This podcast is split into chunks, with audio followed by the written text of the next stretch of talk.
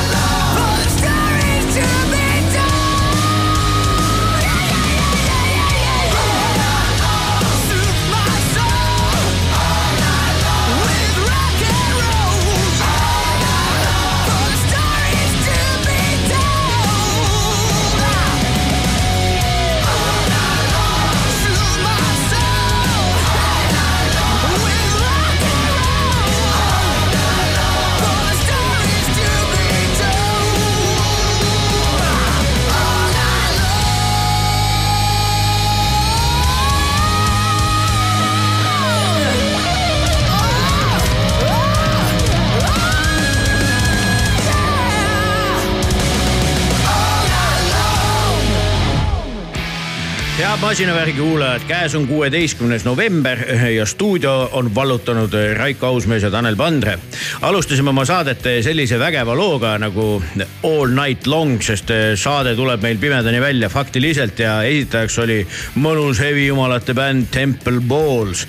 ja kes meil täna siis saatesse tulemas on, meil on palett kirju nagu Picassol, et tulemas on. no kui me Ballsidest räägime, siis noor rallisõitja Georg Linnamäe ja ma ei tea, vaadates nii mõnedki korrad, ega tal on, on munad on rajal kaasas no munad olid kaasas ka ühel ikka munadega naisel, kelleks on Susan Luitsalu, kes käis juba mitmendat korda Arktika ekspeditsioonil, ei ole väga tavaline destinatsioon, kuhu ennast nagu sätitada, nii et sellest kõigest kuuleme tõsi. ka. mulle meeldib see Oodake ära Susani loovalikut päeva alustamiseks ja lõunasöögiks või? oo jaa, oo jaa täiesti tavalised tööpäevalaulud. just. aga kuna käimas on autogala ja muidugi siit üleskutse kõigile kuulajatele, minge Rock FM-i kodulehele, sest et rahvahääletuses saate teie kaasa lüüa lüüa.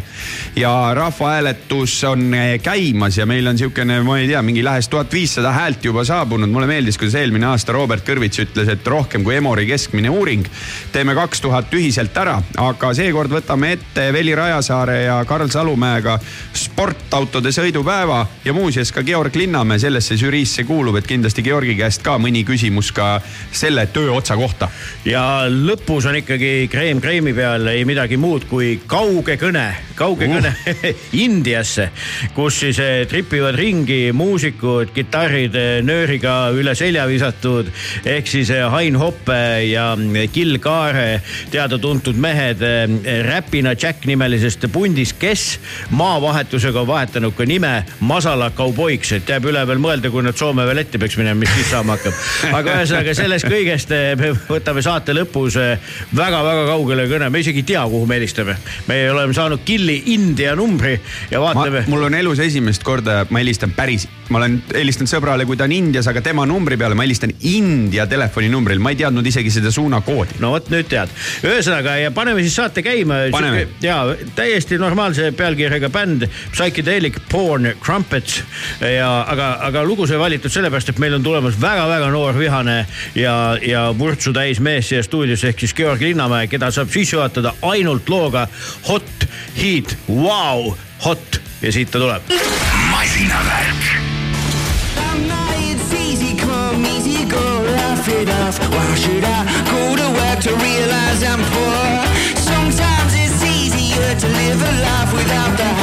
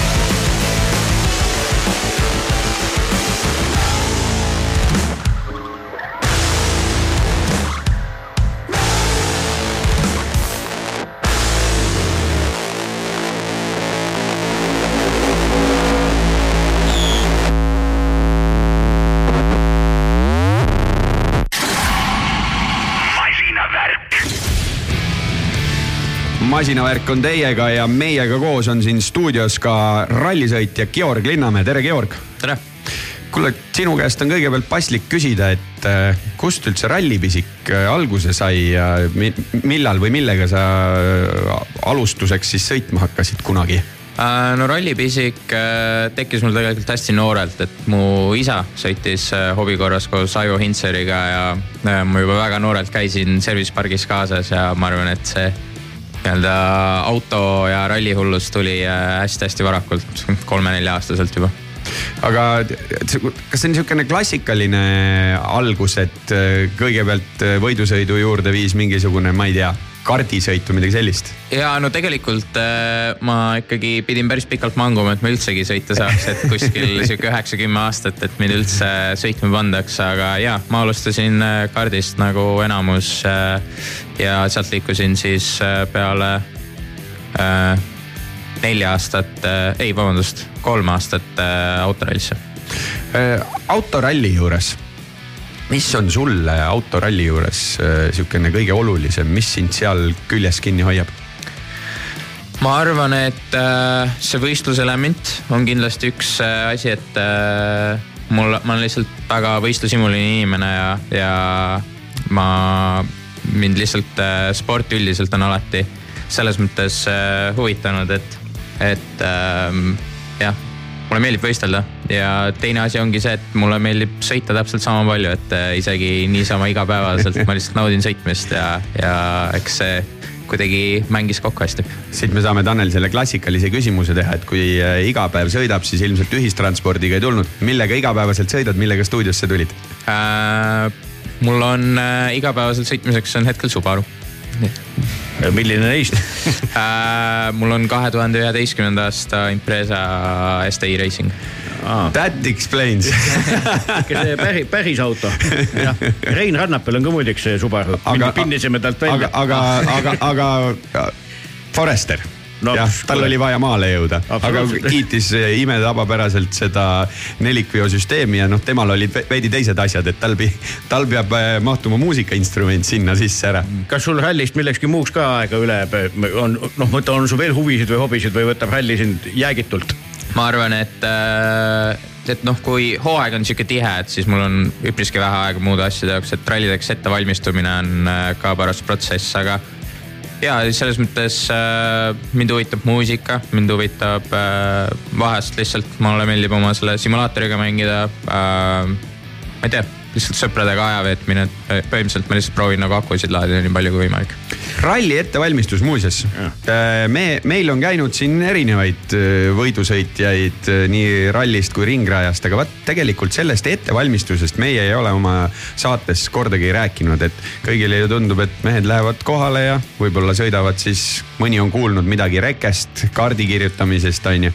aga mida tegelikult see hõlmab ja kui kaua see võtab ja eriti veel siis, kui see ralli on selline hästi laiali, nagu nüüd Kesk-Euroopa ralli oli ähm, kindlasti no, tege..., kindlasti karm näide see Kesk-Euroopa ralli. ja no selles mõttes see oli uus ralli ka, et eks seal on võib-olla mõnes mõttes vähem ettevalmistust, mis sa saad teha, et sa ei saa võib-olla eelmise aasta äh, nii-öelda neid onboard'i asju vaadata, et kust nagu vaadata, kust või on võimalik aega võita ja mida saaks parandada, et äh, ma ei tea, kui palju ma tahan rääkida kõike, mida ma teen, võib-olla nagu rivaalidel tekib häid ideid. räägi aga... seda, mida, mida saab aga ja selles mõttes ma, ma üldiselt äh, käingi, vaatan kõik eelmise aasta onboard'id üle, võrdlen eelmise aasta kõige kiiremate sõitjatega, vaatan, kus ma aega kaotan, mis äh,, kus saaks legendi parandada ja põhimõtteliselt lihtsalt proovin äh, kattuvaid katseid äh, ka natuke pähe õppida kuule, mul on hoopis selle Kesk-Euroopa ralliga seoses üks selline küsimus, et seal oli auhinda üle andmas äh, ralli kunagine maailmameister, äh, täna juba üle seitsmekümne aastane härrasmees Valter Rööl. ja Valter äh, pani ühe päris sihukese minu arvates äh, terava kommentaari ja just F1 suunas, et rallisõidu kõrval on F1 nagu laste sünnipäevapidu, et F1 mehed sõidavad viissada korda ühte ringi ja neil on kõik peas, aga eh, või tähendab jah, ja ka ralli, rallis siis eh, sõites, et eh, olud muutuvad ja nii edasi. kas sina oled ringrajasportlaste suhtes samamoodi, et need on nagu niuksed, ma ei tea keksumängijad ja teie teete päris sporti no ütleme niimoodi, et esiteks ma arvan, et Valter on täielik legend. alati tsitaadid, mis ta on üldse läbi ajaloo öelnud, on geniaalsed, aga ma ei saa öelda, et ma nõustun kõigega, mida ta ütleb äh,. eriti, mis puudutab ringrajasõitu, et äh, nii palju, kui ma olen ise sellega kokku puutunud, mis ei ole küll väga palju, aga see on pealtnäha lihtsam, kui see tegelikult on. ma arvan, et milles äh, milles ringrajasõitjad on õudselt äh, muljetavaldavad, on just see järjepidevus ja see, kuidas nad suudavad peaaegu nagu robotid uuesti, uuesti perfektselt sedasama asja teha, et ma arvan, et nende oskus ja just see tehniline oskus tuleb seal kohal välja, et ma arvan, et, et äh, ralli on rohkem, me peame diilima muutuvate oludega äh,, erinevates tingimustes sõitma. hästi palju on lihtsalt, kus on lihtsalt vaja mune ja selles mõttes, et, et need on, need on täiesti erinevad alad minu arust, ma olen alati öelnud, et, et see on peaaegu nagu võrdleks MotoGP-d ja motocrossi, et see on. absoluutselt. see on, need on nii erinevad, et ma ei tahaks neid väga nagu niimoodi isegi paralleele tuua kuule, aga kuna käes on ikkagi meeste tervisekuu on ju, siis ma tahaks küsida, et kuidas üks rallimees oma mune treenib, et, eh, et mis nali naljaks, aga, aga just see mingi noh, sihuke üks, üks pool on, eks ole, kõik see, mida sa põgusalt mainisid, ka sihuke nagu mentaalne nagu eh, valmidus kõike seda, kõige sellega tegeleda, aga, aga, aga mille, milles nihuke nagu treening eh, seisneb, on ju, et, et mis trenni teed või, või mida sa tead, et tehakse või?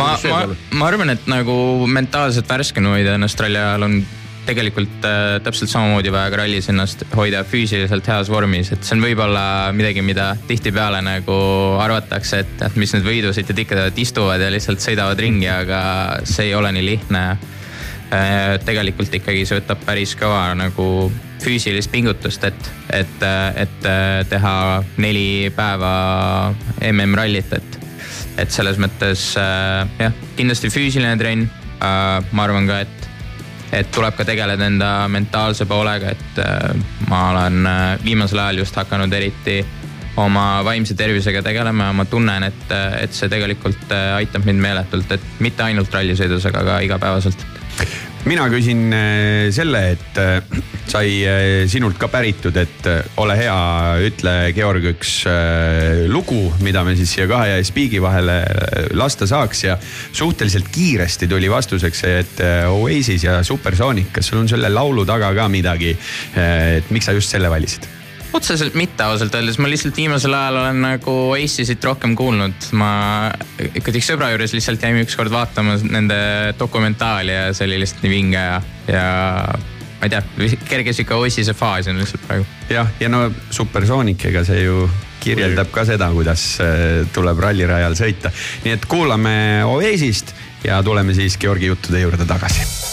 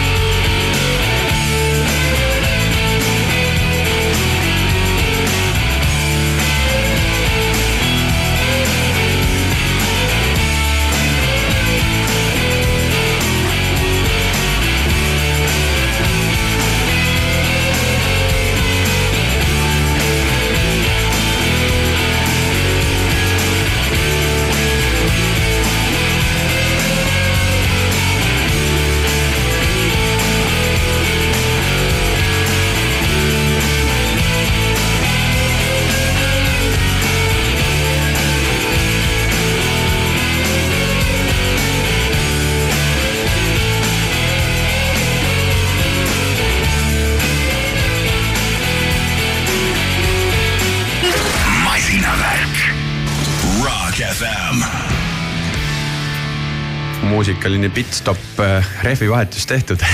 Ülikiire, neli minutit. See on nagu ralli, rallivahetus, kui midagi pekki läheb totaalselt, siis lähevad minutid, mitte sekundid. just, aga Georg, äh, räägime sellest äh, hooajast lühidalt. pigem nagu plussi poolel, pigem miinuse poolel. Algus oli kindlasti plussi poolel, aga ma arvan, et, et meil oli kuskilt poole hooaja pealt lihtsalt palju ebaõnne ja, ja natukene ka enda sõiduvigu, et, et selles mõttes äh, pigem hooaja lõpuga ei jäänud rahule, aga, aga samas me saime ikkagi väga palju targemaks ja väga palju õppida. Äh, milline ralli kõige meeldejäävam um,? ma arvan, et ah, ma ei tahagi midagi spetsiifiliselt välja tuua, mulle kõik meeldib, kõik kiired rallid alati meeldivad, Rootsi, Eesti, Soome ma okay, võib-olla okay. nendest ikkagi Eesti, kodus on alati vinge sõita. Äh, pean küsima sinu käest. Äh, sul on olnud aastate jooksul ka mõned päris nii-öelda karmid avariid ja seesama, mis nüüd aita mul rallit meenutada, kus olid ka pealtvaatajad vales kohas tegelikult. Mm.. see mõni ralli tagasi nüüd on ju. Mm.. Äh, mismoodi sellise asjaga nagu toime tulla selles mõttes, et A see raputab su seal pahupidi kõik, on ju. ja noh, minul oleks igasugune enesekindlus järgmiseks korraks kadunud. ma arvan, et läbiv tikk tavaliselt on see, et äh, kui füüsiliselt on võimalik, siis lihtsalt roni võimalikult kiiresti autosse tagasi ja mine jälle sõitma. et äh, mida vähem sa mõtled selle peale, mida vähem sa nii-öelda marineerid selles, nagu see, seda parem sul on. Äh, ma tahaks sedasama korra, seda ralliohutuse teemat rääkida. Ja justkui sina oled käinud tõesti nüüd siin igal erinevatel rallidel. Eh, Eesti rallipublik, pigem teadlik, on ju? Pigem teadlik ja ma arvan, et see on ka suuresti tänu korraldajatele, et lihtsalt eh, Eesti, kindlasti Rally Estonia on kõige paremini korraldatud eh, WRC kalendri üritus, mis on. Äh, tahtsin su käest tegelikult veel äh, küsida selle kohta, et äh, sul on kaardilugejaks James Morgan mm.. Teil on inglisekeelne base note, te ei räägi ühte keelt. kui palju see elu nagu muudab või keerulisemaks teeb, sest et noh, ühtepidi ma kujutan ette, sa oledki tänaseks harjunud, sa oled Jamesiga nii kaua koostööd teinud. ma olen, ma olen kahe tuhandete laps, et selles mõttes mul on inglise keel nii hästi suus, et see mu elu ei ole kuidagi keerulisemaks teinud, mul on inglise keel väga hea.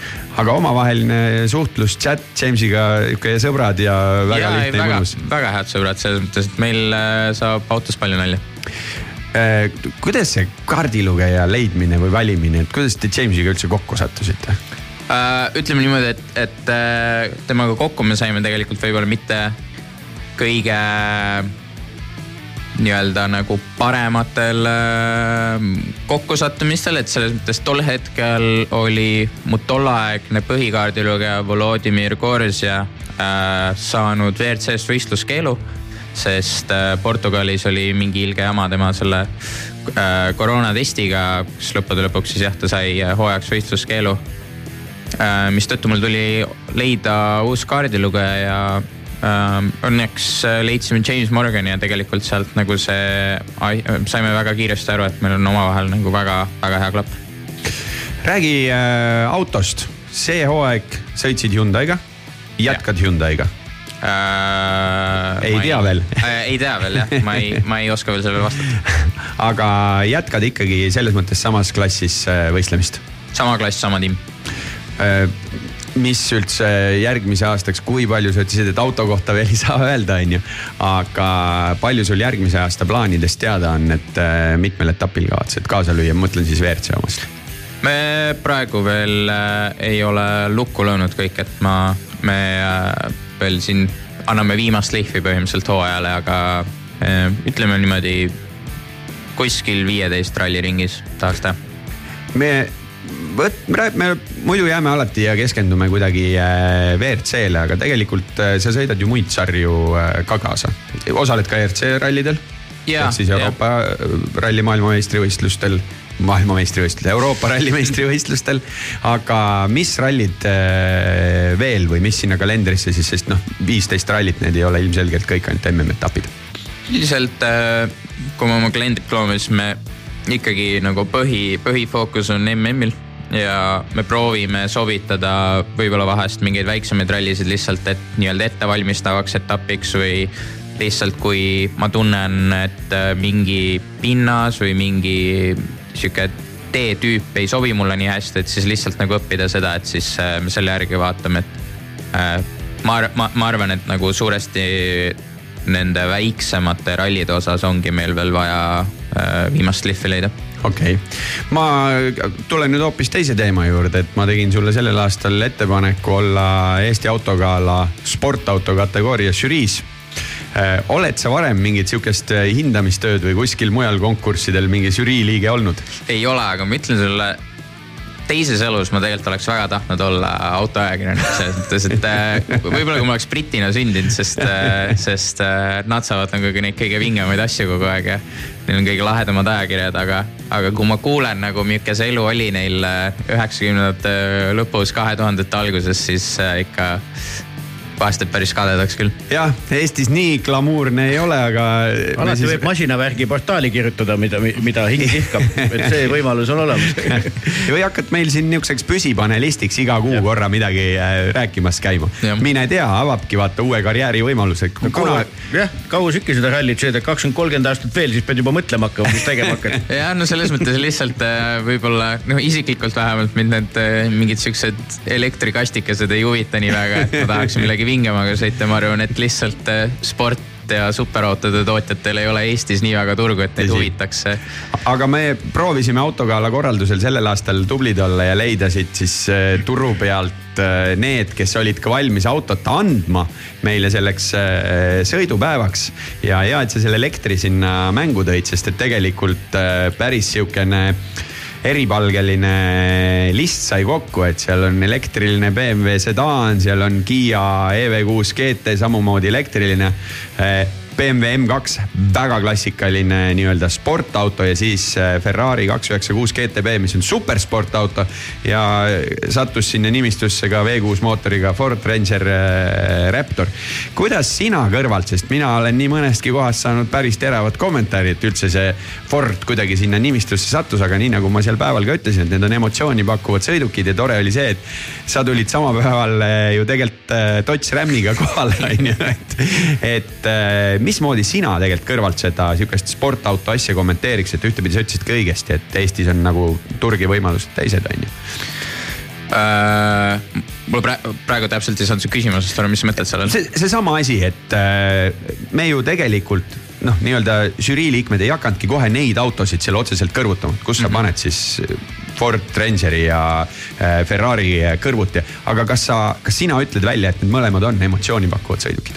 kindlasti on, iga auto on mingi piirini emotsiooni pakkuv sõiduk. nagu ma ütlesin selles mõttes, et, et võib-olla elektriautod ei ole minu jaoks nagu niivõrd äh, pole võib-olla minu asi nii väga, aga ma saan nende eesmärgist aru, ma saan aru, miks nad siin on, nad on siin, et jääda.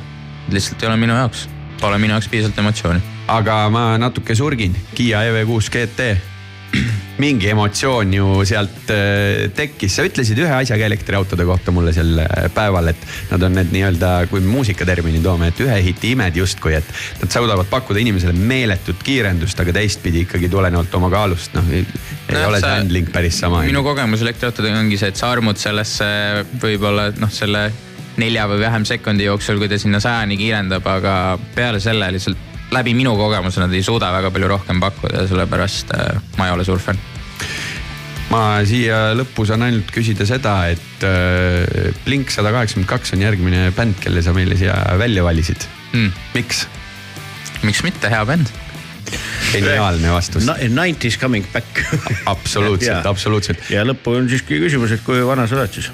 Äh,? ma olen hetkel kakskümmend viis. no näed, what's my age again on selle loo pealkiri, nii et siit ta tuleb, suur tänu tulemast ja ühesõnaga, et see kõik, mis sa mõelnud oled, läheks hästi ja et me ikkagi näeks seda ajakirjandust ka lisaks nendele suurepärastele tulemustele võistluse ajal. aitäh kutsumast. ja, tänud.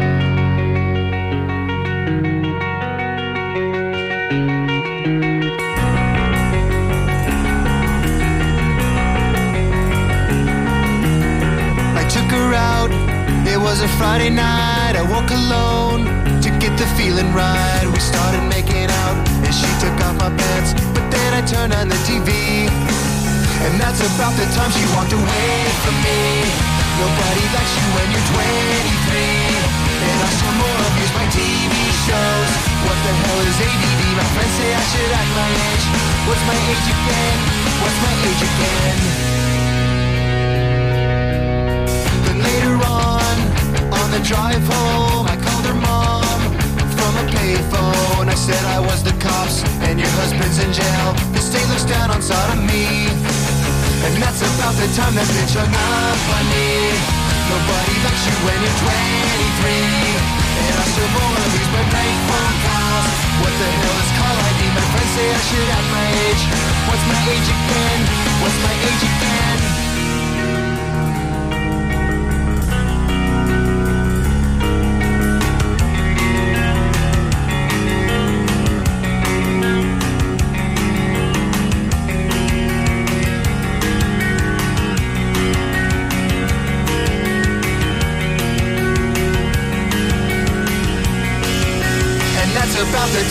Walked away from me Nobody likes you when you're 23 And you still act like you're in freshman year What the hell is wrong with me? My friends say I should act my age That's about the time that she broke up with me No one should take themselves so seriously With many years ahead to fall in line Why would you wish down on me? I never wanna act my age What's my age again?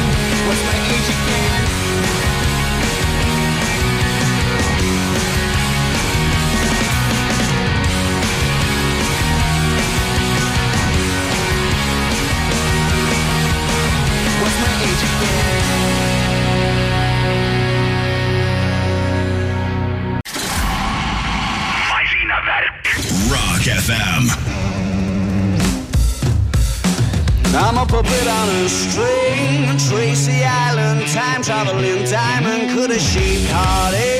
I come to find you for in some velvet morning, years too late. She's a silver lining, Lone Ranger riding through an open space. In my mind, when she's not right there beside me, I go crazy, cause here isn't where I wanna be.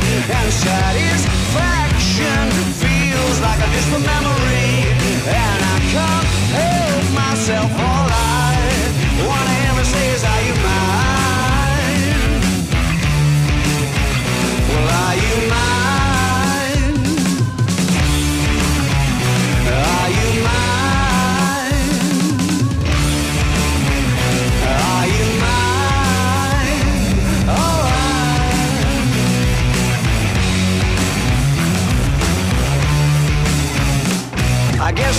Trying to say is I need the deep end, keep imagining meeting wished away. Entire lifetimes unfair, we're not somewhere misbehaving for days. Great escape, lost track of time and space. She's a silver lining, climbing on my desire, and I go crazy, cause here isn't where I wanna be.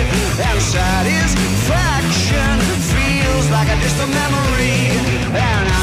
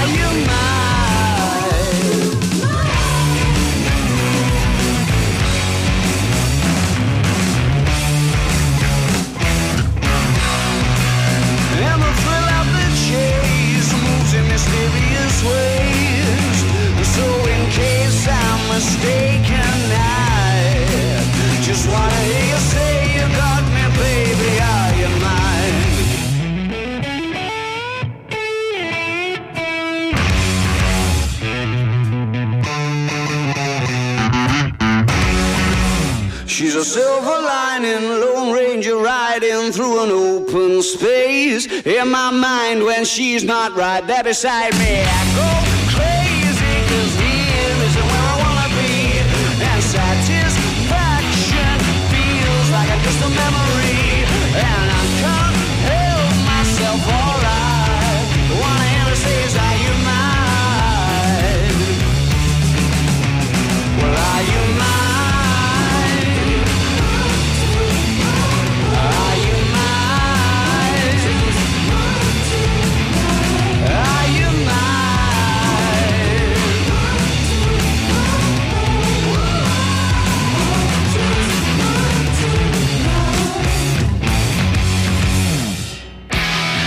ja masinavärgi kuulajad, Arctic Monkeys mängis meile siukse loo nagu You are mine ja miks just Arctic, sellepärast et meil on siin külla tulnud inimene ikkagi palavalt armastatud, Eesti armastatum ikkagi võiks öelda kirjaneitsi, kes tuligi just eh, arktilistest eh, külmakraadidest, et tere, tere päevast, Susan Luitsalu, et kus sa siis käisid? tere, ma käisin ekspeditsioonil Kanadas ja, ja Alaskal, Loodeväilas. Ja see oli sul juba mitmes kord, ma saan aru, sinna tõmbab tagasi? no Arktikas, Arktikas on see teine kord, aga ma olen Bellingshauseni ekspeditsiooni kaasa teinud äh, neli etappi jah. miks inimene peab minema kuskile kohta, kus on külm ja ei tundu nagu väga sihuke mõnus olla? sellepärast, et seal on ilus loodus, jääkarud on. no vähe inimesi, kes sind närvi ajavad. jaa, no on ju, seal laeva peal on ju no väga suletud tingimused. ei no meil on ikkagi laeva peal on meil, ma olen seda nii paljudes kohtades rääkinud, meil on vahetused, me isegi mõnda inimest ei näe vahel kaks päeva. kus nad siis on? No sina oled omal ajal ärkvel ja tema on omal ajal ärkvel ja siis äh, sa saad minna kajutisse peitu ja, ja nii edasi. okei okay,, selleni me veel jõuame, aga, aga tagasi tulles nüüd algusesse, Loodeväil kust, kuhu sa selle korra nüüd kaasa sõitsid ja kui kaua? mina läksin peale sihukesest kohast nagu Cambridge Bay, mis on seal äh, Loodeväila seal, seal no seal ül-, võtad selle Google Maps'i lahti, vaata seal siis see, kus on Kanada, seal hästi põhjas, see, kus on Nunavuti territoorium Eskimote juures. jah hea vist ei tohi Eskimo öelda enam neile. et, et tead, see on väga eh, selline kummaline lugu, et äh, Gröönimaal ei tohi, aga Alaskal eskimod kutsuvad ennast eskimoteks, ah. Aafrikas kutsuvad ka inimesed ennast edasi-sedasi, olles seal käinud. Eskimoteks või? Ja Esk- tumedaks eskimoks. okei. sul on vist see geograafiatund natukene. ja ei, ma lihtsalt ütlen, et kui Eskimo ise ütleb enda kohta Eskimo, siis olles Aafrikas käinud, seal ka mehed ütlevad enda kohta nii nagu no Eskimo enne, Eskimo vist tähendab toore lihasööjat, et siis äh, täpselt. osadele nagu on see, et nad tahavad olla tsiviliseeritumad ja teistel on suva, aga inuiit on see tegelikult. Just, okei okay,, hakkasite siis minema, ma saan aru, et, et Kanada põhjapoolsest punktist hüppasite peale, see alus Jaa. on, oli mis siis? mille Eh, Admiral Bellingshausen kahe mastiga selline purjekas ja see suur. on hästi pikk, eks ole, väga pikk, jah. jah, et see jalgades oli mingi palju. sa, sa, sa ütlesid mingi- selle numbri mulle kunagi. ma ütlen seda nagu alati ja siis on see, et iga kord, kui me kuskil külas maha läksime, siis inimesed juba kaugelt nägid, et me tuleme, siis mastid paistavad ja, ja, ja siis ähm, ja siis nad küsivad, et kui pikk see on ja siis sa vudid eh, kapteni juurde, et kuule, et kui pikk see oli, siis ta ütleb sulle selle numbri, siis sa lähed tagasi ja ütled. Ma praegu pole kaptenit, kelle käest küsida. okei tegemist oli siis suure kahemastilise jahiga, nii oota, ma guugeldan. vot, no sina seni guugelda, mina muudkui küsin, et eh, ühesõnaga ja siis et ja see admiral Bellingshausen on olnud nii-öelda sealkandis vee peal juba mingi jupp aega, ma saan aru või? ta alustas äh, juunikuus Eestist mm -hmm. ja siis ta sõitis sinna jah, nii et ta on nagu kokku umbes neli kuud oli jah. Just ja sina siis lendasid sinna ja, ja Eskimate juurde hüppasid siis pardale. jep, ja kui suur eh, sats seal korraga peal on?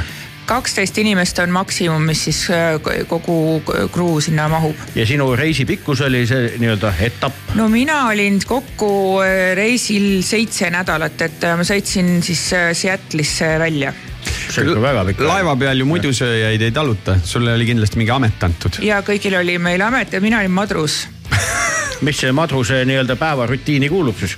no ärkad ülesse, siis sa pead aitama olla seal navigatsioonivahis, et, et eh, inimesed ütlevad, oo, aga miks, et seal on autopiloot ja seal on ju kapten, aga et näiteks eh, Kanadas on sihuke asi, et vees on tohutult ajupuitu ja sellised puud ikka, et kui meil mõni Eestis kasvaks, siis pandakse punane lint ümber ja hakatakse turistidele näitama, et eh, mingi neljakesi saab ümbert kinni võtta sellel puul.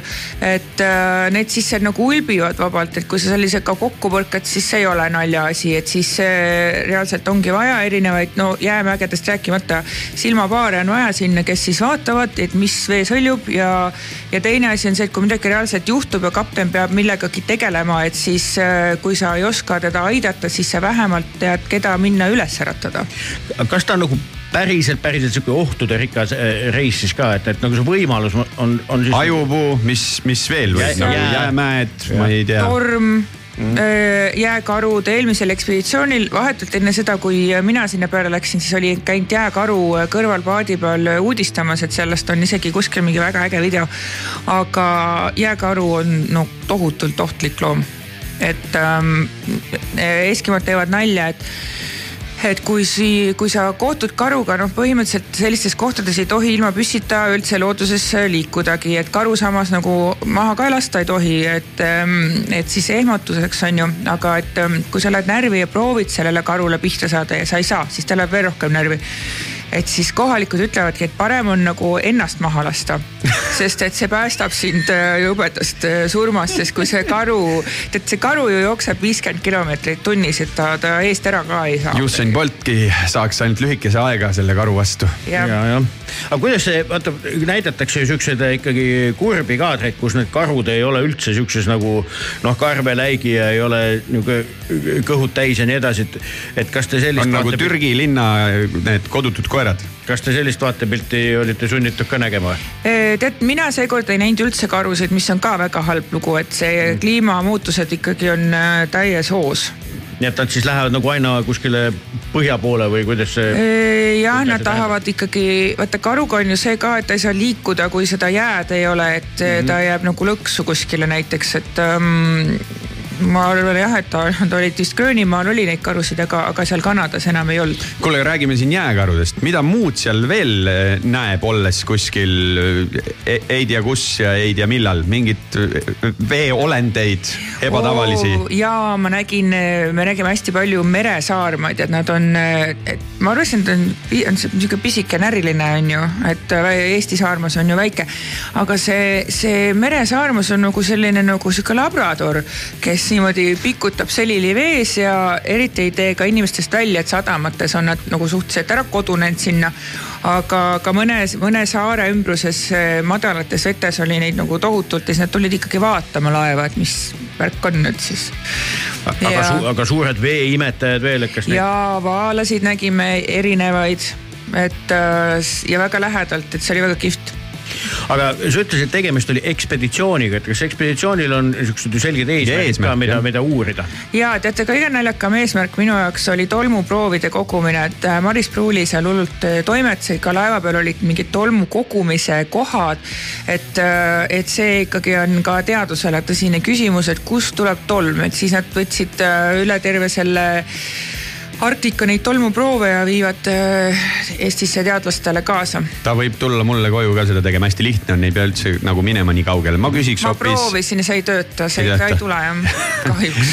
mul on. pead sinna kolima, siis tuleb jah, Eskimote juurde. okei, okei, minul minul on hoopis küsimus, et äh, esitasime sulle küsimuse, et ütle üks äh, lugu, ütlesid Motorheadi Ace of Spades ja, ja siit järgmine küsimus, miks?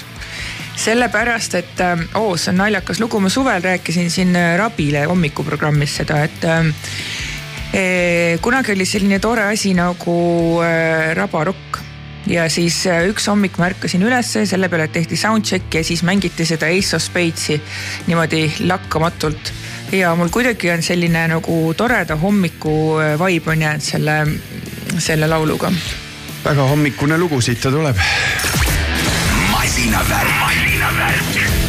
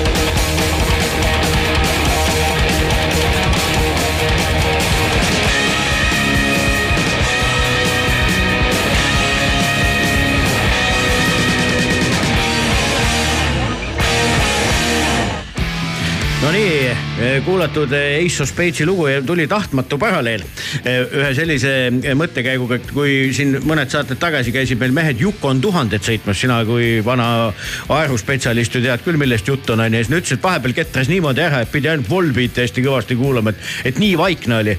et, et see vaikus hakkas nagu hulluks ajama, siis nad kuulasid lihtsalt siukest toorest rock n rolli, et kas sul ka mingi selline hetk tekkis või? Äh, mul selliseid hetki äh, ei olnud, aga äh, üks, mis on nagu sihuke kummaline asi, on see, et seal Arktikas ei ole lõhnu, kuna seal ei ole puid ja seal ei ole mingit sellist taimestikku, mis saaks lõhnata, et siis äh, hästi nagu kummaline on siis äh, saada nagu selle looduse poole, kus juba on mingid taimed ja siis, kui hakkavad lõhnad tulema, siis sa saad aru, et lõhna polnud vahepeal, et nagu see on sihuke kummaline maailm jah lõhna saab ise teha, kui näiteks duši all käia. Ja kahjuks küll ja, aga meil isegi laeva peal oli reegel, et peab käima duši all, see oli kirjalikult äh, kirjas. Pidid allkirja andma, käin iga päev duši all. minul tuleb hoopis teine küsimus, mida me ka alati oma saatekülalistelt küsime ja see oli seotud sellega, et kui ma kuulsin, et see ajupuu seal äh, ringleb ja on ohtlik, siis mul tuli kohe meelde, et äh, küll lühikest aega, aga toodeti sihukest huvitavat autot nagu Fisker Karma, mille kere interjööri detailid olid äh, ajupuust tehtud. see oli Soome auto. see oli Soome auto, tuleb see nimega uuesti ja teised investorid ja mida iganes. aga sulle, Susan, küsimus, millega sina sõidad? Grand Cherokee'ga mm. -hmm.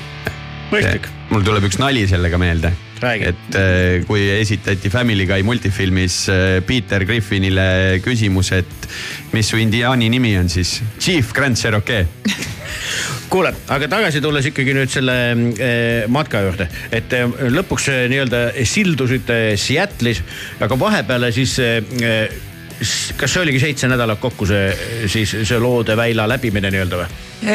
ja, et ma läksin ära mingi kahekümne kaheksandal augustil äkki või mm -hmm. ja koju ma jõudsin tagasi kolmeteistkümnendal septembril, nii et mm -hmm. see on siin ikka nipin-napin seitse nädalat, et me seal Seattle'is ka lõpus olime vist kolm päeva mm. -hmm okei okay,, aga kui sa peaksid välja tooma nagu siuksed nagu mingid mõned highlight'id, et mis sinna siis selle seitsme nädala sisse nagu mahtus lisaks eelkirjeldatule? Tead, see loodus on ikka nagu nii äh, massiivne seal, et kui, äh, kui siin eestlased teevad äh, turismiprogramme ja mõtlevad, et nad müüvad meie metsikut loodust, siis see meie, meie metsik loodus on väga tsiviliseeritud ja taltsas selle kõrval, mis seal on, et need metsad on ikka siuksed, et me lihtsalt vaat-, me sõitsime läbi fjordide ja siis vaatasime, arutasime, et mõttega, et kui me praegu keegi paneks siin maha kalda peal ja sõidaks minema, et siis seal on noh, null võimalust ellu jääda, et Eestis natukene nagu kuulad, et kustpoolt seda mingit automüra ikkagi tuleb ja varem või hiljem jõuad mingi maantee peale välja, aga see loodus on seal lihtsalt nii aukartust äratav aga, aga palju selle seitsme nädala vältel oli neid nii-öelda nagu randumisi ka? no ikka eh, mõnikord eh, iga päev, aga vahepeal me olime ka niimoodi kolm, kolme päeva kaupa merel, aga ma sain käia ka Alaska paras vöötme vihmametsas matkal, mis näeb välja nagu kõik meie metsad steroididel nagu selline, no kujuta ette, et tavaline Eesti mets on mingi viis korda suuremate puudega ja, ja siis seal on veel sihuke džunglitaimestik lisaks. ja nägin seal okassi ka, väga lahe oli. Vau, kuule, no vot, vot, vot. mina küsin seda tegelikult ikkagi sind on ju eh, mingisugusel ajahetkel tituleeritud Eesti kõige paremaks äh, kirjanikuks oli nii mõni ja, aasta tagasi. mida kirjaniku äh, hing Susani sees sihukesel ekspeditsioonil äh, ikkagi ammutad tuleviku tarbeks ka väetist? tead, ma olen kirjutanud ka kaks reisiraamatut, nii et ma seal vaikselt pidasin päevikut, et ähm, aga, aga muidugi ka see laeva omavaheline elu, et me seal nagu tülli ei läinud, aga seal sai kõvasti nagu nalja, et äh, erinevad äh, isiksused ja noh, lõbus oli.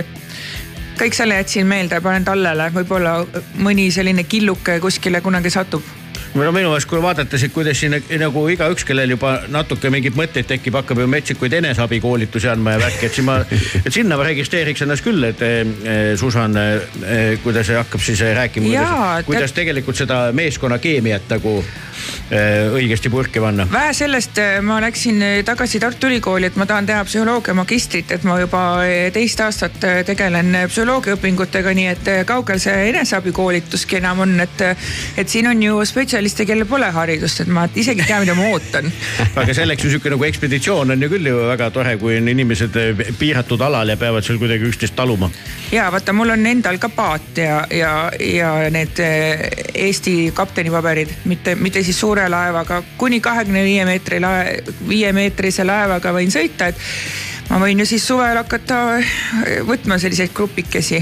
sinna väiksesse paati? viin selle väikse paadiga kuskile Mohni saare alla ja siis ütlen, et nüüd mõtleme elu üle järele. kõlab kuidagi kohutavalt. seda, mis ma just tahtsin öelda, seda ju ikka oleks teinekord vaja. ei tea pigem läheks ikka. sa käid mootorrattaga sõitmas selle tarbes, no vot aga proovi elus uusi asju, ära ütle ei. ei ütle ei, jah, aga samal ajal kui see paadireis on, on seal tsikliga vaja ühes kohas olla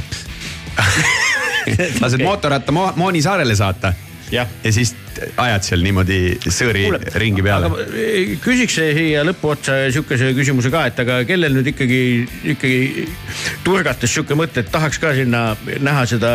tahaks Bellinghauseni punti saada kas just seda, aga mõtlen, et, et neid nii-öelda nagu ekspeditsioone kindlasti oli ju seal teisigi, eks ole, keda te seal kohtusite või ühesõnaga, kui keeruline see nagu on, kui kellelgi üldse nagu mõte tuleb, et kus seda uurima peaks hakkama, mis võimalused on?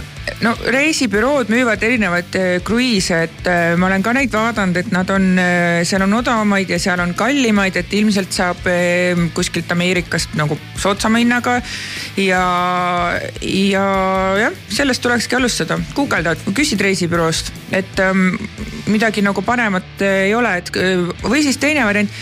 Admiral Bellingshausen on müügis nüüd, et äh, lihtsalt ära osta see. Tanel, sikkel maha ja jah, tsikkel ongi müügis, nii et. Ja õige. ja nüüd tulekski. kuule, paku pruulile vahetust. jah las ta nüüd sõidab sikliga vahepeal. nats jääb puudu vahepeal. Ei ole. ja, jah, okei okay., kuule, aga siia lõppu sa valisid ju veel ka siukse väga eh, kärtsu-mürtsu rokk-klassika TNT, et eh, kust see mõte siis püüdsite vahepeal kalapommiga või kuidas see asi käis? ei, me püüdsime, püüdsime võrguga, aga mm, eh, see lugu on sihuke mõnus selline tööpäeva lõpetuseks, et kui närvid on läbi, et siis saad eh, vaikselt Ei, tunnistada, kõlas et ma hästi. olen dünamiit. Ace of Spades oli hommikulugu.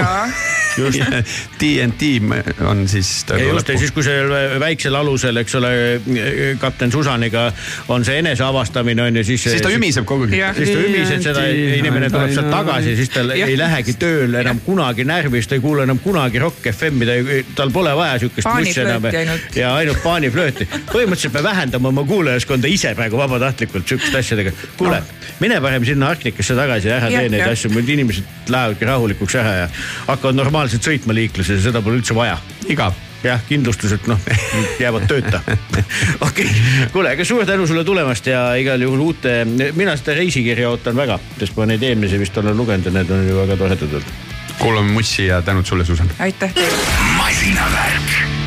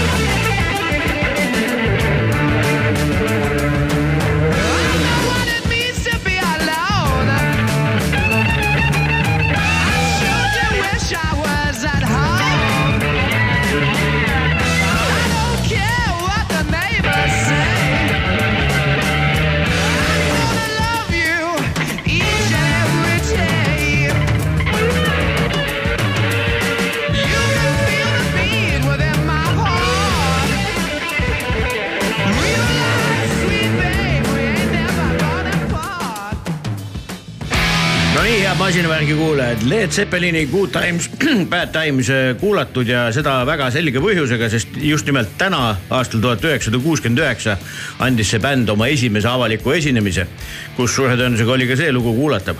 aga headest ja halbadest aegadest hakkame mingi rääkima praegu, sellepärast et äh, stuudiosse on sisse astunud härrasmehed Karl Salumäe ja Veli Rajasaar, tervist, et rääkida millestki muust kui ikkagi sensatsioonilisest autogalast kaks tuhat kakskümmend kolm ja kui äh, Led Zeppelinil oli esimene kiik, siis meil oli ka mõnes mõttes esimene kiik, sellepärast et äh, Veli ja Karl on täna siia kutsutud eelkõige sellel põhjusel, et äh, nad on sellel aastal äh, mõlemad sportautode kategooria žüriis. ja kui eelmisel aastal tuli neid sportautosid äh, paberi peal ritta panna, siis sellel aastal saime korraldatud ka sihukese sõidupäeva, kus olid äh, kõik finalistmasinad kohal, nii et tervist, mehed. tervist. tervist. et tead, alustan hoopis selle küsimusega, varastan Tanel sinult. sa võid ise selle sõnastada, kuidas see oli, jube hästi oli, et selle autoaasta äh, eredaim hetk või? ja, ja ma mõtlesingi, et, et üks asi on see ports autosid, mis, eks ole, on ju selle gala eh, sellega seoses, eks ole, mida, mida proovite, näpite, aga üldse noh, aasta hakkab ju peaaegu et nagu läbi saama, et mis nagu üldse ei pea üldse mingi sellel aastal toodetud olema või mida olete proovida saanud, mis oli tõesti niisugune nagu vau automaailmas. Veli, noh, sa kindlasti ütled oma MR2 tead äh, selle on ju uus on ju nüüd. no ja, aga see, tead, see ei ole päris see. Äh, uutest autodest, kusjuures ma pean tunnistama, ma olen suhteliselt palju see aasta delegeerinud autosid edasi inimestele ja väga palju isegi, kusjuures sõitnud ei ole, aga mm, kõige eredam emotsioon ikkagi tuleb sealt samalt sõidupäevalt, ma pean tunnistama, et ähm, ma ei ole küll Ferrarist tootjana väga hästi arvanud, aga seekord ta ikkagi äh, üllatas mind, et noh, tootjana seotud kontekstis, et kuidas nad oma kliente kohtlevad ja nii edasi, aga see on teine jutt, et auto ise on väga hea ja noh, see kõnealune auto siis kaks üheksa kuus GTB, et äh, ma arvan, et see oli siiamaani kõige eredam emotsioon. aga mingid muud autondusega seotud asja, kuidas sul äh, need võistlused läksid? Äh, täitsa edukalt, kusjuures äh, naljakas on isegi see, et äh, üle pika aja kutsuti sind täpselt viimase võistluse ajaks reservõppe kogunemisele ja ma mõtlesin, et oi pekkis, nüüd on nii, et ma ei saa tiimile punkte tuua, ma ei saa endale punkte tuua. kirjutasin, et no äkki ma proovin ikka, et kuulge, et äkki saate mind teise slotti panna, et kasvõi nädal enne, nädal hiljem aga mulle hoopis vastati, et olete vabastatud kohustusest, ehk siis põhimõtteliselt kui öelda heas sõnastuses, et kuulge, ilgelt oleks vaja võidu sõita, siis, siis ei pea ka reservõppe kogunemisele minema jätame meelde, hea teada. Karl, sul? ai, minul on hea aasta olnud, ehkki Äh, ütleme siis äh, ringrajasõidu mõttes, millega ma varem olen kuigivõrd tegelenud, mannergute mõõduvõttu sõitnud ja nii edasi, et kõik see on äh, soiku jäänud. Et noh, sportauto žürii liikmena on seda nüüd natukene piinlik tunnistada, aga muud elamused on olnud selle võrra vägevamad, et aasta juba algas väga hästi, kui Raiko, sina korraldasid ähm, Land Rover Defenderitega ühe ilgelt vahva lumise off-road sõidupäeva. see oli jube hästi korraldatud ja ma ei ütle seda lihtsalt, et sulle siin mett moka peale määrida, vaid tõesti üks vägevamaid kogemusi. Tarmo Tähepõld äh, oli samamoodi sillas näiteks siis see velimainitud äh, sõit Ferrari'ga sportauto valimise raames oli minu jaoks ka väga vinge. ma saan aru, et Margus Pipraga koos olite nagu väiksed lapsed seal autos. meil me, meil sõitis natukene katus minema jah, et me mõlemad sõitsime sellega ikka niimoodi, et, et noh, hing laulis sees ja, ja mootor ka. aga ehm, ka selle Ferrari kogemuse suutis üle lüüa nüüd üks hiljutine kogemus, mul õnnestus sõita mitu päeva, pikka sõidupäeva Emilia Romagna piirkonnas Itaalias uh. Lamborghini Huracanidega kõigiga. Sterratoga, kahe erineva Sterratoga, STO-ga, kahe Technicaga ja ühe Evo Spideriga.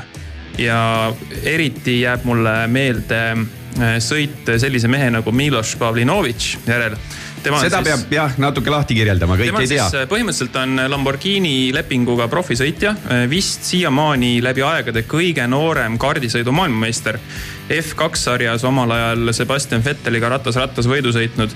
tema oli siis sellise esiauto või saateautona meil kaasas. Äh, tema sõitis küll Lamborghini Urus Performantega, aga see teeb õigetes kätes ka väga kiiret sõitu ja ühtedel kurvilistel Itaalia sellistel kõrvalteedel mul õnnestus siis ühe selle Lamborghini Huracan tehnikaga tema järel sõita. ja siis ta tõstis tempot, vaatas, et püsib järel küll, tõstis veel tempot, tõstis veel tempot äh, resümee lühidalt on see, et ühes kohas sain kõik neli ratast maast õhku ja siis nii minu kui tema, kui siis veel ühe tehnika, kes minu taga sõitis, natukene oli hädas tempoga kohati kõigi auto pidurid vajasid äh, päris pika jahutusringi pärast, et äh, võin äh, teatava uhkusega öelda, et ma olen Huracani piduripedaali ikkagi pehmeks sõitnud ja kui mõelda nüüd selle piirkonna peale, kus sa sõitsid, siis mo mootorite org. mootorite orguks kutsutakse jah. Emilia Romagna maakond ei ole siis mitte ainult Itaalia selliseks gastronoomiliseks keskpunktiks, vaid on tegelikult ka kogu maailma kiirete autode ja isegi mootorrataste valmistamise südameks, et äh, mitte ainult Lamborghini ei ole seal sündinud ja tegutseb siiamaani, vaid ka siis teine Itaalia sportautomark, mida siin on ka mainitud. aga siis lisaks veel Maserati, Pagani, Ducati, Tallara, äh, kõik Indikaari äh, vormelid on siis Tallara šassiiga ja lisaks veel mitu kuulsat ringrada nagu näiteks Imola ja Mugello, nii et see piirkond täiesti nõretab sellest niisugusest äh, kiirete autode pisikust.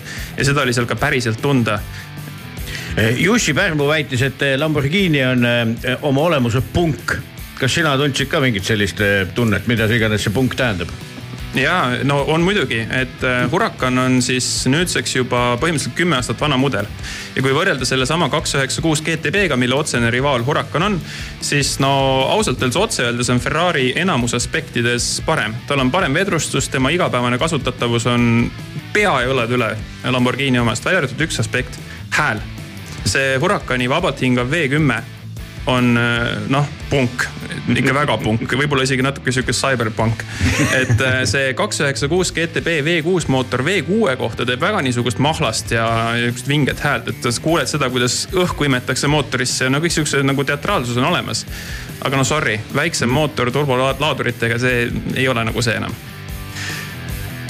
tead, äh, me selle pungi koha pealt ja selle sissejuhatuse koha pealt äh, läheksime kõigepealt ühele muusikapalale ja siis me äkki jõuame selleni ka, milleks me teid siia kutsusime. just, just lugu kannab vahvat pealkirja Chevy Thunder, ma pole päris kindel, kas niisugune auto olemas on, aga, aga vähemalt kuhugi sinnapoole, et bändiks on Spectre on ju, kes see, kui me autokaala juurde tuleme, et minu süvenemisvõime juures ma ütlen kohe, et kas selle, et ma ju ei tea täpselt, et kas mõni USA auto ka seal on? See aasta ei olnud ka eelvalikus, kuigi me alati vaatame seda, et äh, arvestame siis, mida siis, meil on eelkõige kaks tükki. meil on äh, American Beauty ja meil on äh, Ameerika auto, kes nii-öelda Ameerikas toodetud sõidukeid siis Eestisse impordivad ja kui midagi uut tuleb, siis me ikka alati nendega suhtleme, aga ma hakkasin isegi mõtlema, et minul vist viimane Äh, värske usakaga sõit jääb siia paari aasta taha Rämmi TRX ja ei olegi rohkem siin nagu olnud. No unistame siis vähemalt kuulates nendest autodest, aga järgmine kord ikkagi peame seda geograafilist aaret tugevalt täiendama. nii, siit ta tuleb, Chevy Thunder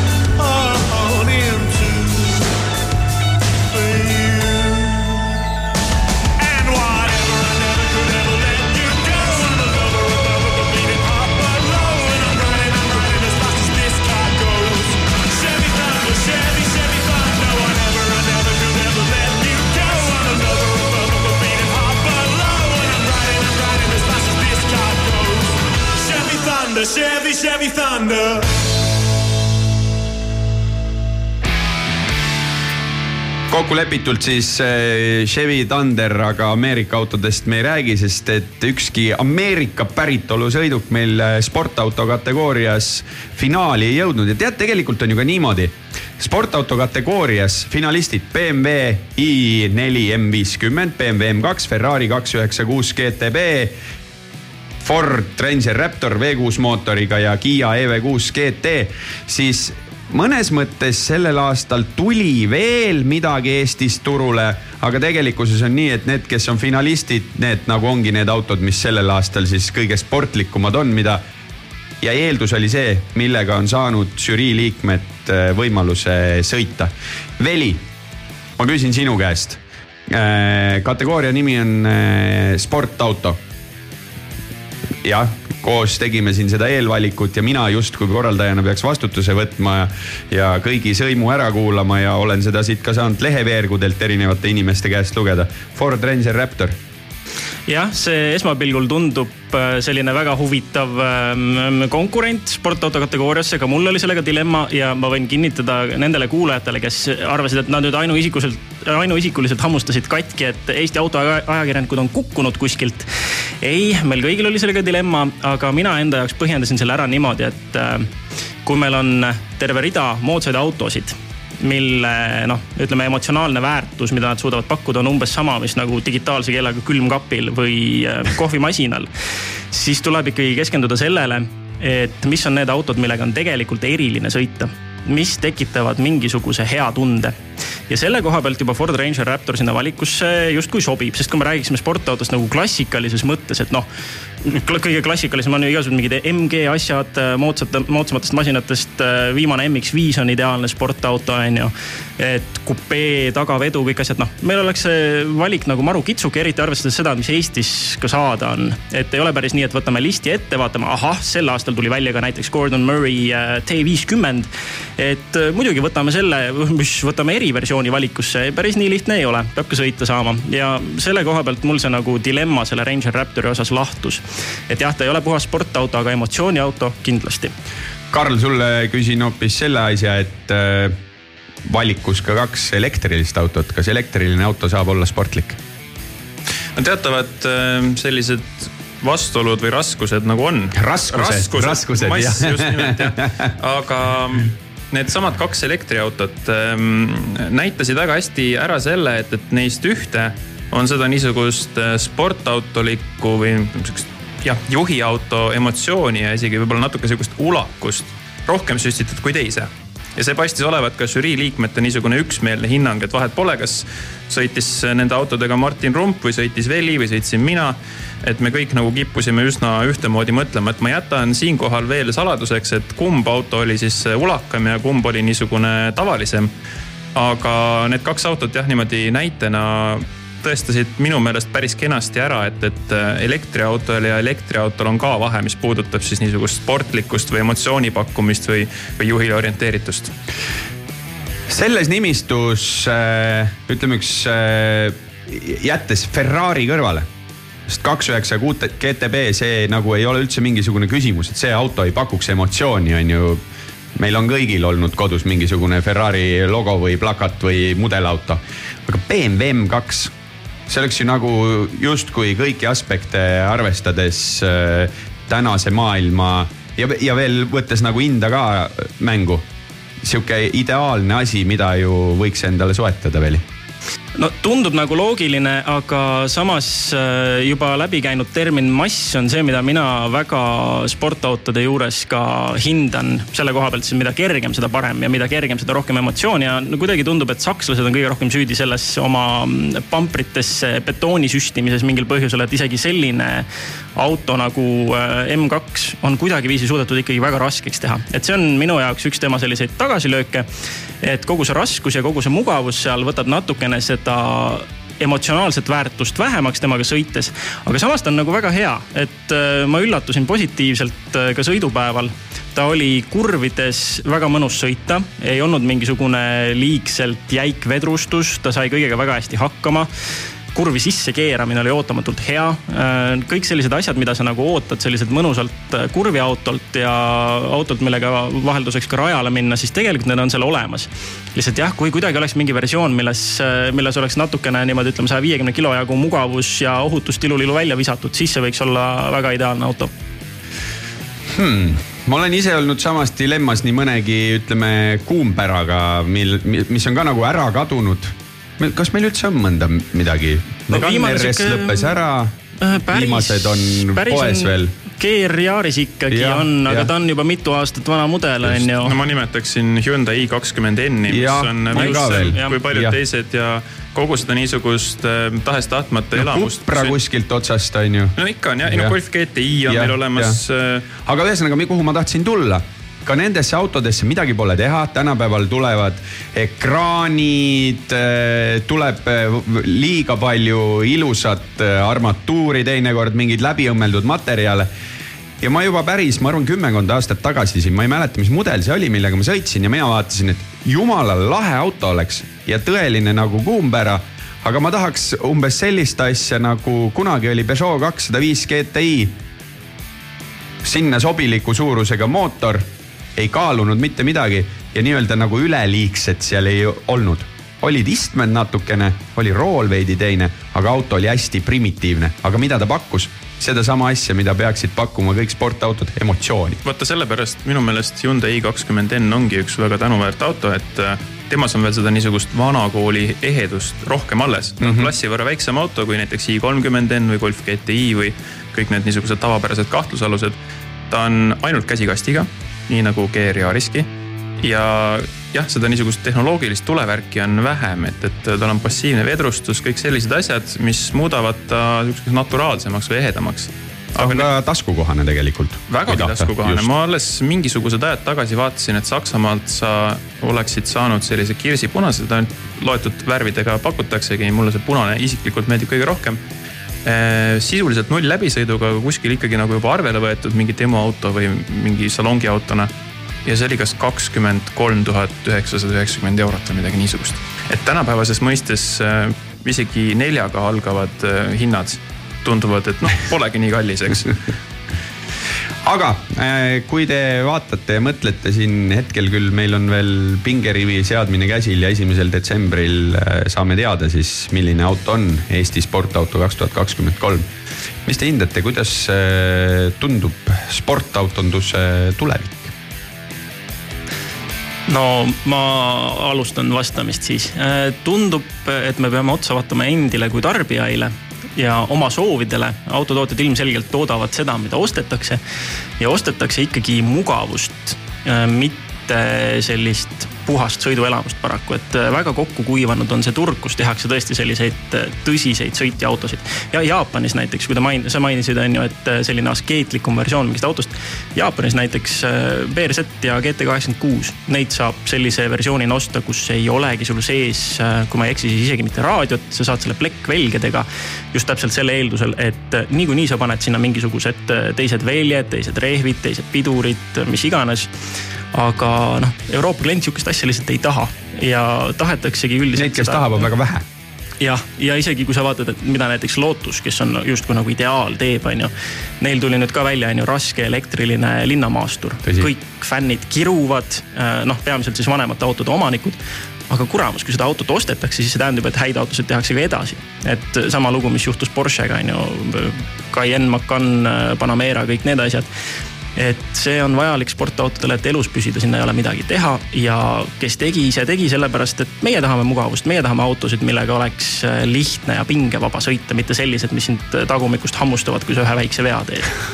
Karl. põhimõtteliselt noh, ma olen nõus, aga ma olen ses mõttes võib-olla törts optimistlikum, et ma arvan, et meie tulevik ei ole sportautode mõttes ainult tuhande või kahe tuhande hobujõulised äh, nelja elektrimootoriga kaks miljonit dollarit maksvad mingisugused mürsud. et ma arvan, et äh, ühel hetkel, varem või hiljem, pigem natukene hiljem kui varem äh, hakkab tekkima niisugune vastassuunaline liik äh, entusiasti või sportautosid ka ja, ja jõutakse selleni, et mõnikord vähem tõepoolest on rohkem. ja piisab sellest, kui sul on üks võimalikult kerge näiteks alumiiniumist jah, kere, eks ju, šassii seal on tagasilla peal üks elektrimootor, mis pakub umbes kolmsada hobujõudu ja siis see auto saab kaaluda parima teadmise järgi ütleme sihuke tuhat kakssada, tuhat kolmsada kilo isegi. Ja kui me nagu sellise asja saame ja loomulikult meil ei ole manuaalkasti, kannagaasi andmise võimalust, kõike niisugust kolbide, kepsude mürinat aga ma arvan, et, et see oleks ikkagi midagi niisugust, mis ka entusiasti hinge oluliselt rohkem toidab kui mingisugune kahe tuhande hobujõuline mürsk, mida võib-olla autoajakirjanikuna kuskilt saad korra proovida. samas kolbide kepsude mürin, ma olen väga positiivselt meelestatud vesinikpõlemismootorite osas jällegi et on äh, mõned tootjad, kes neid arendavad ja ma usun, et see võib olla selline entusiasti auto tulevik, et äh, Toyota teeb, Hyundai proovis, aga vist jättis järele, aga ma ei ole sada protsenti kindel. Äh, just tuli Mazda välja ägeda ideeautoga, mis on vankelmootori ja elektriajame komboga ja see vankelmootor suudab põletada ka vesinikku et katsetatakse ikkagi, et ei ole tingimata vaja oodata seda, et kuidagi leitaks viis elektriautot kuidagi palju kergemaks teha, et oodata tahkis, akusid või mida iganes. vaid piisab võib-olla ka sellest, kui vesiniku tootmine suudetakse muuta rohelisemaks, efektiivsemaks ja nähakse ka võlu selles, et ikkagi sisepõlemismootorid elus hoida, lihtsalt põletades vesinikku, on ju.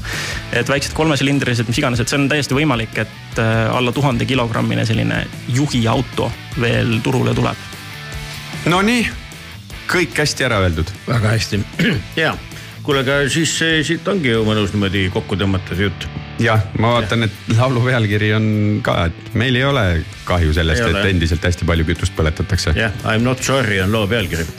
The print, print, pinpricks on bändiks, nii et eh, suur tänu meestele ja suur tänu osalemast siis žürii töös ja, ja. kuulame, kuulame muusikat. muidugi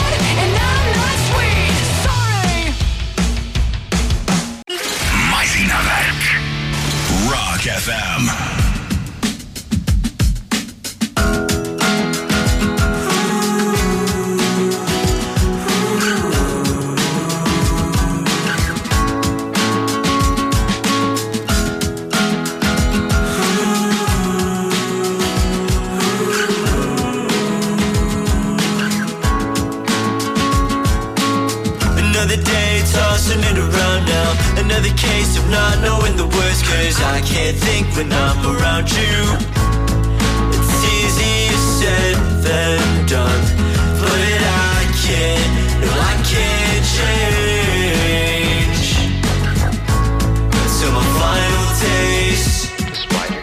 Well, a tarantula to be exact. Tarantula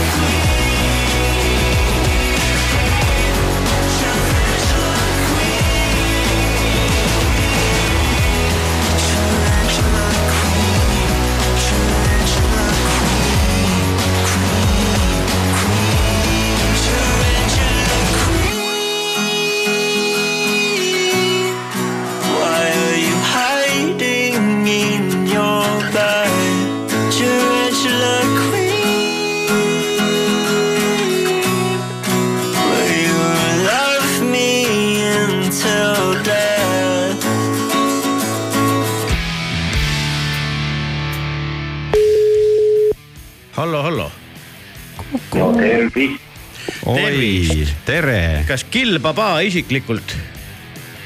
nii Kilbaba kui Hushboy on ka isiklikult siin veel isegi. kuule, meil on, minu esimene küsimus on see, et mis teil kell on? kell on viisteist nelikümmend üheksa. ja koht on see, kus kell on viisteist nelikümmend üheksa. see on Pushkaris, pühas linnas, Rajasthani osariigis Indias. mulle meeldib, et püha linna nimi on Puškar. ja see. India rahvas teab asju. kuule, nagu jah, et räpina Jack nüüd, mis te seal Indias ekslete, et räpina paistab kaardilt või paistab isikese täpina, aga India seda ei ole. no me ikkagi ei tulnud siia päris Räpina Jackina. et eh, nagu, nagu looduses on seda näha, et kulles muutub konnaks, siis Räpina Jack muutus madala kauboi. Vahetas nime, et uuesti edasi teha. ja ma ise nimetan vahepeal seda digimuutumiseks isegi, just. ehk et äh, teie siis teete niimoodi, et kui äh, Hush ja Kill on Eestis, siis te olete Räpina Jack, aga kui te lähete Indiasse, olete te Masala kaubois ja kui te peaks kuhugi veel nagu oma jalad viima, siis te kohe jälle reorganiseerute ja mõtlete midagi uut välja, aga, aga tulles nüüd ikkagi asja tulles nüüd asjalike küsimuste juurde, onju. Mis siis on Masala kaubois? no räägi, no see on eh, ikkagi midagi täiesti teistsugust kui Räpina Jack on, see Räpina hõng on siin õhus. aga kuna siin ikkagi maailm on täiesti teistsugune, siis eh, väga palju sellist eh, vürtsi, vürtsi, just. koriandrit, masalat, no masalat, just, just, kõik lõhnab. kõik on värviline ja lõhnab hästi kuulge, aga kaua te seal juba hänginud olete? ja kaua te juba hänginud olete ja, ja kas te olete ka pilli kätte võtnud, sellepärast et te, te ju väidetavalt, eks ole, kui me viimati rääkisime enne teie minekut, on ju. Te olite täitsa niisugused nagu silmad olid nagu siirad ja suured, ütlesite, et teie lähete sinna esinema ja mina muidugi naiivselt küsisin, et mitu kontserti siis tulemus on, mille peale öeldi ei, ei vot Tanel poiss, sealmaal ei käi asjad nii, et sa tead ette, mitu kontserti sul on, on ju. et kuidas siis senine skoor on olnud, et sihukese tunni ajas etteteatamisega olete saanud ikkagi pilli loo lahti lüüa ka või? ja oleme, meil on, meil on, meil on olnud kolm nagu sihukest juba korralikku kontserti ja siis me oleme veel tänava peal ka möllu teinud aga tõesti, üks päev oli täpselt niimoodi, et eelmisel päeval meil ei olnud veel järgmiseks päevaks midagi planeeritud. õhtuks oli kaks kontserti ja veel muideks üks nendest oli maksustav. ja just on Indias väga suur asi valgetele inimestele. just, just, just aga eh, kuidas siis seekord on läinud, olete pidanud ise kõvasti maksma, et saaks mängida või? Üldse mitte. Äh, meil muideks on just homme tulemas üks kontsert, mille jaoks me siin oleme tegelikult äh, teinud proovi peaaegu et iga päev, sest meil on bändis veel kohalik trummar Narsi äh, ja tuua seda kauboi vibe'i nüüd nii prominentse muusikuga nagu Narsi, kes mängib täitsa teistsuguseid rütme, nõuab päris korralikku. Nagara trummar, Nagara trummar, vana Ratchatani trummikomplekt, sihuke trummisett, Nagarat aga kas see, ma saan aru, et Masala Cowboys on puhas sihuke hindikeelne punt või? Äh, mitte ainult hindi, vaid meil on isegi siin sanskriti-keelseid tekste ja, ja, ja ingliskeelses võime laulda täiesti ja eesti keel ja alati me alati näitame rahvale eesti keele sound'i. kuidas eesti keel India publiku poolt vastu võetakse? Suure armastusega nagu kõik. jah, kõik kuulavad ja teritavad kõrva ja püüavad aru saada. see on see maailma jagu, kus rassism on, mängib meie kasuks aga kas te eesti keeles seda lugu ka laulate, kus on umbes äh, sada nelikümmend verenimelist kohta? kusjuures see on meil isegi kavas täiesti äh, homme esitada. noh, väga äge ju kaasa laulda hindudel miks mitte. kuule, aga kas see, kas see si, siitpoolt vaadatuna tundub nagu see, et kui, kui Indias nagu mitte kedagi absoluutselt see nagu bänd ei koti, et siis on ikkagi mingi sada tuhat inimest nagu platsi peal või see on väga hea legend jah ei no siin on ikka niimoodi, et kui, kui ikka, kui ikka bänd sind üldse ei koti, ei tule mitte kedagi. no tegelikult mõned uudishimulikud ikka võivad olla. no ja. meil eelmine aasta, kui me esimest korda tulime nüüd selle bändi nimega siia, meie esimene kontsert võis olla mingi viie, kuue, seitsme tuhande inimese ees ja, ja järgmine päev oli kontsert, kus oli äkki viis inimest. et äh, see. sõna ei levi seal maal. ja, ja kui, kui ei ole ka inimesi, siis lehmad ja apid ikka tänuväärsed kuulajad yeah ma vaatan praegu kiiresti järgi, et eh, Pushkari linn on kakskümmend üks tuhat inimest, et ega ei olegi liiga suur. aga regioon kindlasti, Johhaidi. see on, see on täielik provints, aga tema teeb kuulsaks see, et siin on ainukene töötav Brahma tempel. Kuna Indias on nagu selline trimurti, kolm suurimat jumalat, Shiva, Vishnu, Brahma ja, ja teiste jumalate jaoks on hulka tempeid, siis siin on ainukene Brahma tempel ja sellepärast tuleb äh, kogu aeg pool inim-, pool India inimkonnast käib siin nagu palverännakul läbi iga aasta. Ja teie siis äh, levitate neile sellist kauboiusku, ma saan aru. kuule, aga kuidas üldse on, kuidas saab eksisteerida masala kaubois Indias, kus lehm on püha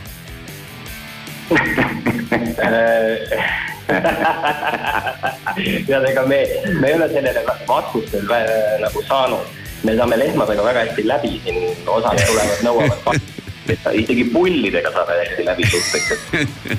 aga tead, jätame selle küsimuse mõne teise intervjuu jaoks, meil ei ole veel vastust. tegelikult me ei saa ise veel. see võib veel välja tulla nüüd. jah yeah aga kui Tanel küsis, et mis ajast te seal olete olnud, siis äh, ikkagi kodupublikut huvitab ka see, et millal on võimalik näha Räpina Jacki Eestis taas ja kas ka on võimalus saada osa Masala Cowboys äh, etteastest kunagi ka kodumaa pinnal?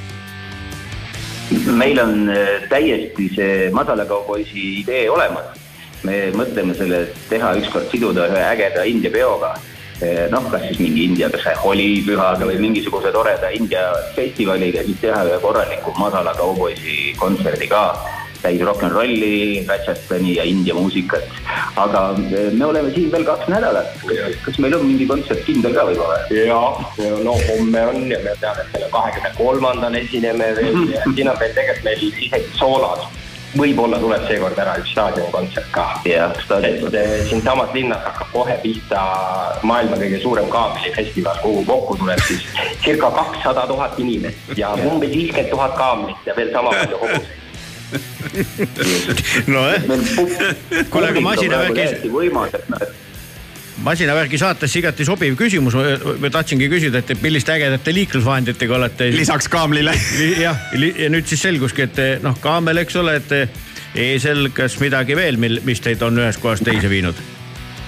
kuule, kutid rentisid eh, ükskord siin eh, mootorratta, Enfieldi mootorratta ja siis oh. sõitsid sellega siin ringi onju, et vastassuuna vööndis põhiliselt, ma sain aru. no mitte päris, me läksime lihtsalt peale pikka proovipäeva kus me hommikul käisime sõitmas äh, mägedes äh, ja tulime proovi, me sõitsime peale proovi circa seda kolmkümmend viis kilomeetrit pimedas äh, McDonaldsis, lihtsalt ära proovida see asi. ja, see oli päris, päris andekas sõit niimoodi kaksi-raksi. mingi lihtsalt mingi viie-kuue kilomeetrise otsa pidime vastassuunas kiirtee peal sõitma, aga see on siin täitsa tavaline, seda ei vaadata isegi veidi peal. elamus, täielik elamus, aga nad on ikka võrrisi Nad on ikka väiksed. no kolmesaja viiekümnene Enfield juba on peaaegu ikka täitsa mootorratas. jah, väristad kahe inimese peale rohkem kui minekus, viiskümmend oli kõige kiirem, mis me kätte saime kuulge, aga eh, ma saan aru, et eh, seiklusi on siin juhtunud ikkagi rohkem kui, kui küll, eks ole. et eh, kas on mõni sihuke asi ka juhtunud, et mida te nagu plaanisite, et mis nagu juhtub? Äh, ma sain korraks fantaseeria, ma olin arvestanud sellega nii. kõva, kõva highlight. see on siis, mis oli reisi highlight? esinesime staadionil ja Hašil oli kõht lahti. oi, seda on ennegi juhtunud me käisime kõrvallinnas liha söömas, lihtsalt äh, läks eest mustaks ja siis äh, sai liiga palju söödud ja keha ei reageerinud hästi. ja Tarmo kõrval käisime Moslevite Mohallas käisime korralikku liha-lammast söömas ja see tekitas nagu pöördumatuid kahjustusi. mõneks päevaks mõneks päevaks kuulge, aga, aga kodumaal räägitakse teist legendi ja pressitakse ka äh, äh, digitaalsete nullide ja ühtedena teie lugusid ju albumitele. üks on, ühtemoodi on käes, see on siis Villu Tamme juubeliks kokku pandud album, kus siis räpina Jack äh, ka vanameistrile ikkagi mm, austusavalduse teeb looga number üks, mida me siia intervjuu lõppu kuulame, et kuidas, kuidas, kuidas te seda kommenteerite, kuidas nüüd ikkagi sellised kauboid nüüd sattusid eh, suisa nagu punki ka veel uhama? Äh, ma ei tea, ütle mulle, sest sina mängisid ka seal täpselt samamoodi no, nagu meie. Mina tulin no, lihtsalt, tulin kaasa vooluga, see ei puutu asjasse, aga eh, okei, meile tehti, meile tehti ettepanek ja, ja muidugi mõista, noh, me, me peame niisuguse ettepaneku vastu võtma, sest et noh, kes siis ei võtaks, noh, Villu ikkagi, Villu, ma räägin legendaarne. no just noh just ja see album muideks on täiesti saadaval on ju ja, ja pealkirja peab igaüks ise välja mõtlema, sest albumi kaas on ristsõna Villule omaselt. Eh, nii et eh, nii nutikat eh, albumi katet vähemalt minu silmad pole veel seni näinud.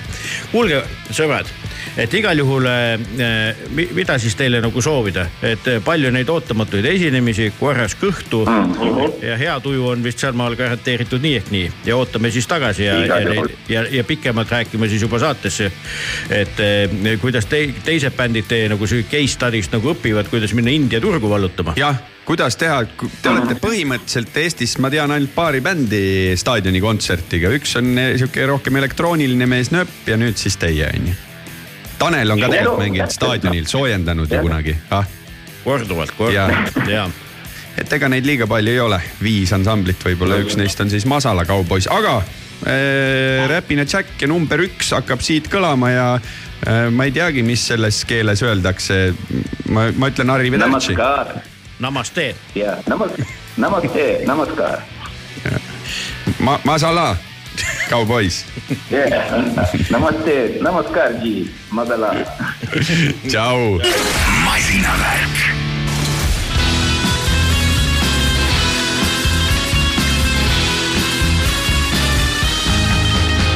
hommikus peeglist vaatab vastu igaüks.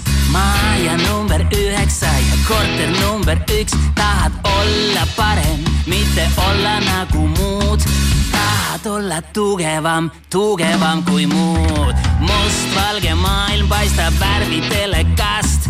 tahaks olla ise televisioonimast, näha kaugemale, sinna, kus on tulevik aga kahjuks kolmas silm on lühinägelik, tahad olla targem, palju rikkam olla ka.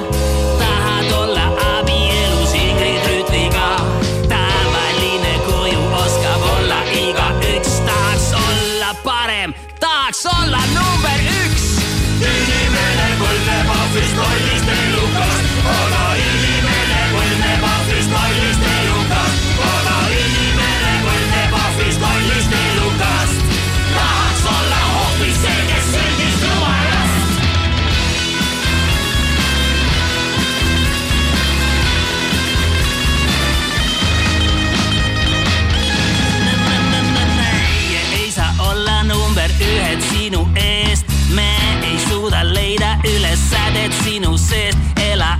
surematuks, ela nagu lind. sa pole number üks, kuid siiski maailm vajab sind. mine vanni tuppa, pista kraani alla pea.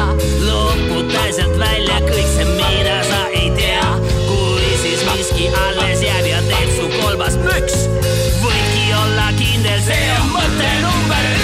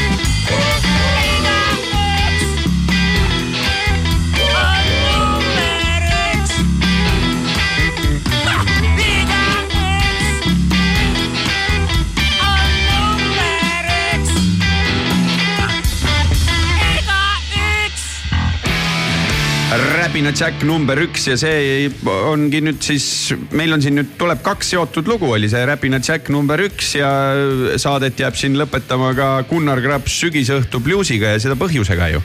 ja siis kahekümne neljandal novembril tuleval nädalal on siis tulemas järjekordne Gunnar Rapsi mälestuskontsert, mis on juba kahekümnes ja kus siis tähistatakse ikkagi geniaalse Eesti muusiku seitsmekümne teist sünni aastapäeva, nii et vaadake kuskilt Facebookist järgi, et kes seal kõik seekord lavale tulevad, et kindlasti saab olema tore õhtu.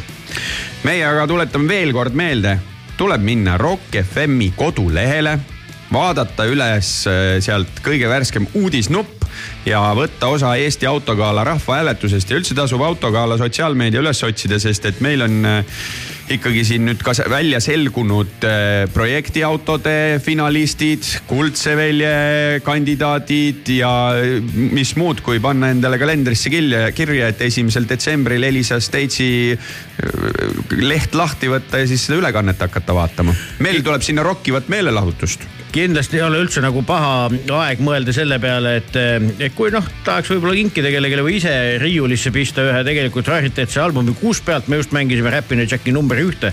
ehk siis eh, Villu Tamme plaat, kust me leiame veel Villu Tamme loomingut esitamas sellised tegelased nagu Ivo Linna, Liis Lemsalu, Kool D, Liisi Koiksoni, Jüri Homenia eh,, tankisti, ansambel Anduri ja nii edasi, nii edasi. kokku me leiame plaadilt eh, üle kolmekümne loo, nii et, et siin on nagu avastamist ikka, ikka omajagu palju, nii et väga-väga väärt kuulamine. tead, mis mul jäi saate alguses ütlemata? vot ei tea just oli isadepäev, meil oli koolis, kus mul lapsed käivad, Järveküla koolis, sihukene asi, et kutsuti isasid kooli tundi andma. isale vabalt valitud teemal mina läksin, rääkisin kaheksanda klassi õpilastele, tüdrukud seal ikkagi ka haigutasid päris palju, aga mitte selle koha peal, kui juttu tuli Michel Moutonist. ma rääkisin neile WRC ajaloost mm. -hmm.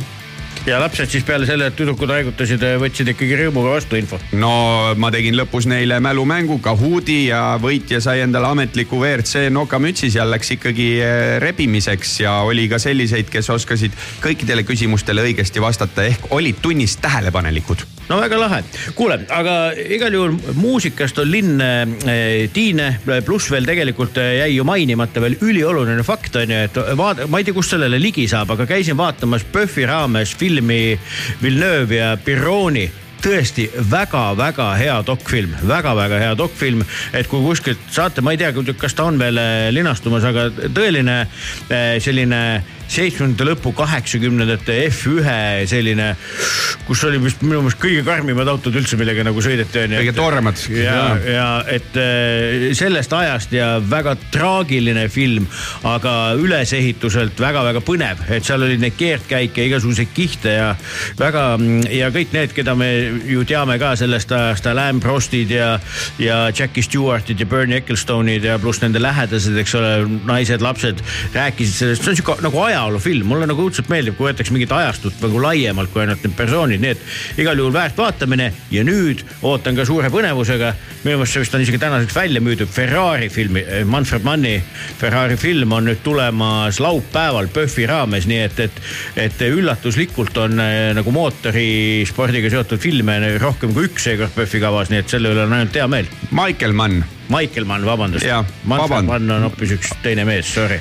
aga sellest ei ole midagi, nii et äh, nautige autoteemalisi äh, filme. Ferrari film jääb edasi ka meie Eesti kinodesse ja siit Gunnari mälestuseks Gunnar Graps, sügisõhtu bluus ja kohtume nädala pärast, kui Tanel käib väiksel puhkusel ja mina olen üksinda stuudios. kindlasti lähen- kutsun külalisi. Lähen automatkale, võid vahepeal helistada mulle. kokku lepitud, tšau